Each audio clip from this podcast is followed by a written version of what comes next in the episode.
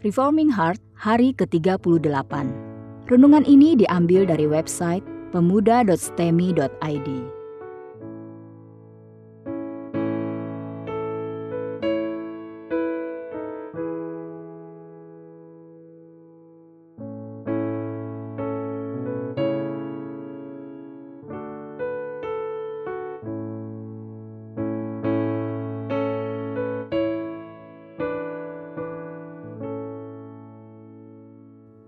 Renungan hari ini adalah Saul dan Roh Samuel. Mari kita membaca Alkitab dari 1 Samuel 28 ayat 1 sampai 25. Demikian bunyi firman Tuhan. Saul di Endor. Pada waktu itu orang Filistin mengerahkan tentaranya untuk berperang melawan orang Israel. Lalu berkatalah Akis kepada Daud, "Ketahuilah baik-baik bahwa engkau beserta orang-orangmu harus maju berperang bersama-sama dengan aku dalam tentara. Jawab Daud kepada Akis, Baik, engkau akan tahu apa yang dapat diperbuat hambamu ini. Lalu Akis berkata kepada Daud, Sebab itu aku mengangkat engkau menjadi pengawalku sendiri sampai selamanya. Adapun Samuel sudah mati. Seluruh orang Israel sudah meratapi dia dan mereka telah menguburkan dia di Rama, di kotanya. Dan Saul telah menyingkirkan dari dalam negeri para pemanggil arwah dan roh peramal. Orang Filistin itu berkumpul, lalu bergerak maju dan berkemah di dekat Sunem. Saul mengumpulkan seluruh orang Israel, lalu mereka berkemah di Gilboa. Ketika Saul melihat tentara Filistin itu, maka takutlah ia dan hatinya sangat gemetar. Dan Saul bertanya kepada Tuhan, tetapi Tuhan tidak menjawab dia, baik dengan mimpi, baik dengan urim, baik dengan perantaraan para nabi. Lalu berkatalah Saul kepada para pegawainya, Carilah bagiku seorang perempuan yang sanggup memanggil arwah, maka aku hendak pergi kepadanya dan meminta petunjuk kepadanya. Para pegawainya menjawab dia, di Endor ada seorang perempuan yang sanggup memanggil arwah. Lalu menyamarlah Saul, ia mengenakan pakaian lain dan pergilah ia dengan dua orang. Ketika mereka pada waktu malam sampai kepada perempuan itu, berkatalah Saul, Cobalah engkau menenung bagiku dengan perantaran arwah, dan panggillah supaya muncul kepadaku orang yang akan kusebut kepadamu. Tetapi perempuan itu menjawabnya, Tentu engkau mengetahui apa yang diperbuat Saul, bahwa ia telah melenyapkan dari dalam negeri para pemanggil arwah dan roh peramal. Mengapa engkau memasang jerat terhadap nyawaku untuk membunuh aku? Lalu bersumpahlah Saul kepadanya demi Tuhan, katanya, Demi Tuhan yang hidup, tidak akan ada kesalahan tertimpa kepadamu karena perkara ini. Sesudah itu bertanyalah perempuan itu, Siapakah yang harus kupanggil supaya muncul kepadamu? Jawabnya, Panggillah Samuel supaya muncul kepadaku. Ketika perempuan itu melihat Samuel, berteriaklah ia dengan suara nyaring. Lalu perempuan itu berkata kepada Saul, demikian, Mengapa engkau menipu aku? Engkau sendirilah Saul. Maka berbicaralah raja kepadanya, janganlah takut. Tetapi apakah yang kau lihat? Perempuan itu menjawab Saul, Aku melihat sesuatu yang ilahi muncul dari dalam bumi. Kemudian bertanyalah ia kepada perempuan itu, Bagaimana rupanya? Jawabnya, ada seorang tua muncul berselubungkan jubah. Maka taulah Saul bahwa itulah Samuel. Lalu berlututlah ia dengan mukanya sampai ke tanah dan sujud menyembah. Sesudah itu berbicaralah Samuel kepada Saul, "Mengapa engkau mengganggu aku dengan memanggil aku muncul?" Kata Saul, "Aku sangat dalam keadaan terjepit. Orang Filistin berperang melawan aku, dan Allah telah undur daripadaku." Ia tidak menjawab aku lagi, baik dengan perantaraan nabi maupun dengan mimpi. Sebab itu aku memanggil engkau, supaya engkau memberitahukan kepadaku apa yang harus kuperbuat. Lalu berbicaralah Samuel, Mengapa engkau bertanya kepadaku, padahal Tuhan telah undur daripadamu dan telah menjadi musuhmu? Tuhan telah melakukan kepadamu seperti yang difirmankannya dengan perantaranku, yakni Tuhan telah mengoyakkan kerajaan dari tanganmu dan telah memberikannya kepada orang lain, kepada Daud. Karena engkau tidak mendengarkan suara Tuhan dan tidak melaksanakan murkanya yang bernyala-nyala itu atas Amalek, itulah sebabnya Tuhan melakukan hal itu kepadamu pada hari ini. Juga orang Israel bersama-sama dengan engkau akan diserahkan Tuhan ke dalam tangan orang Filistin. Dan besok engkau serta anak-anakmu sudah ada bersama-sama dengan daku. Juga tentara Israel akan diserahkan Tuhan ke dalam tangan orang Filistin. Pada saat itu juga rebahlah Saul memanjang ke tanah sebab ia sangat ketakutan oleh karena perkataan Samuel itu. Juga tidak ada lagi kekuatannya, karena sehari semalam itu ia tidak makan apa-apa. Perempuan itu mendekati Saul lalu melihat bahwa Saul sangat terkejut. Kemudian berkatalah perempuan itu kepadanya, Lihat, budakmu ini telah mendengarkan permintaanmu. Aku telah mempertaruhkan nyawaku dan mendengarkan perkataan yang kau katakan kepadaku. Oleh sebab itu kiranya engkau pun mendengarkan permintaan budakmu ini.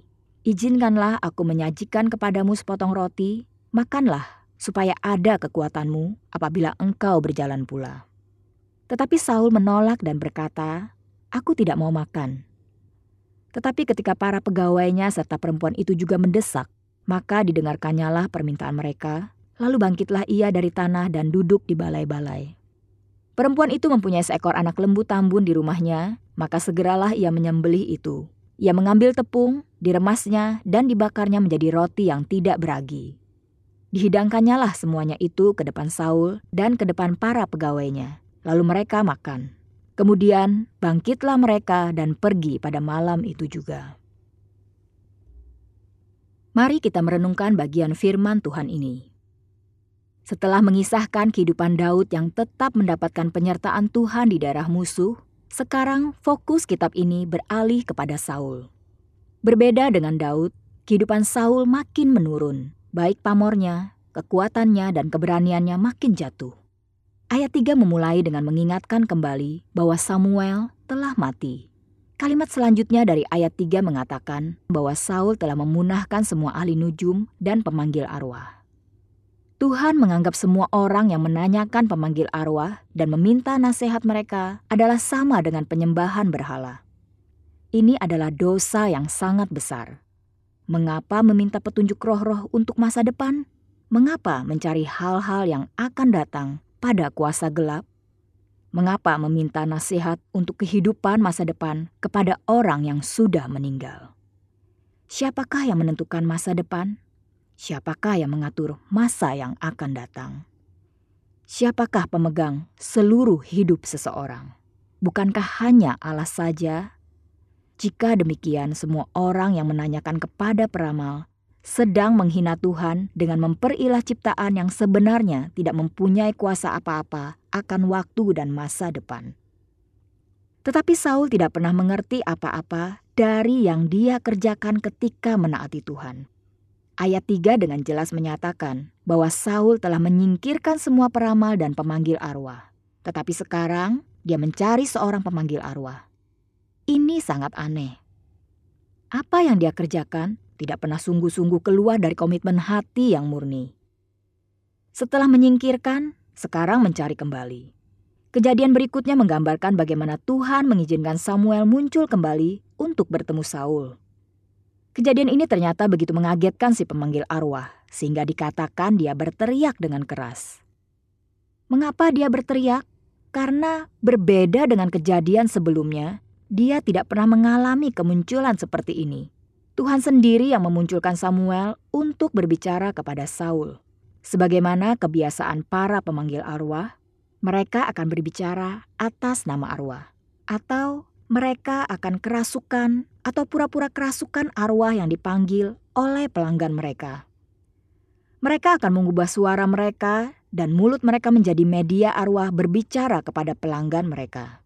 Kita tidak tahu entah setan yang bekerja merasuki mereka atau mereka hanya penipu, tetapi para pemanggil arwah itu hanya berbicara menjadi wakil atau menjadi medium di dalam suara saja. Tetapi kali ini seseorang benar-benar muncul. Itulah sebabnya perempuan pemanggil arwah ini berteriak dengan keras. Bukan dia yang memunculkan Samuel, tetapi Tuhan.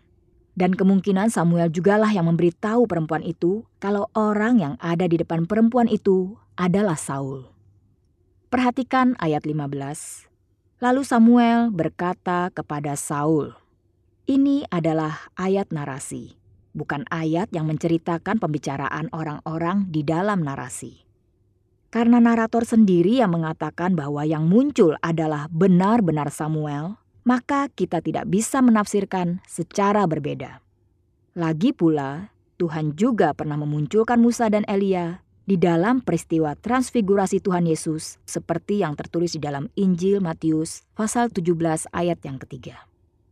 Dua kemunculan ini baik dalam kitab 1 Samuel maupun dalam Matius menunjukkan kedaulatan Allah atas dunia orang mati. Dua kemunculan ini tidak boleh membuat kita lupa bahwa Tuhan membenci orang-orang yang berusaha berkomunikasi dengan arwah orang mati. Komunikasi dengan arwah adalah kejijikan bagi Tuhan. Fakta bahwa Tuhan dapat membawa mereka muncul tidak berarti keinginan untuk membawa orang mati muncul kembali adalah benar. Setelah muncul, Samuel mengatakan hal yang sama dengan yang pernah dia katakan sebelumnya kepada Saul. Kemunculan Samuel kali ini dengan suatu pernyataan penggenapan hukuman bagi Saul, yaitu bahwa Saul dan anak-anaknya akan mati besok. Perhatikan ayat 19. Besok engkau bersama dengan anak-anakmu sudah berada bersama-sama dengan aku. Ayat ini tidak berbicara tentang surga atau neraka, tetapi tentang mati.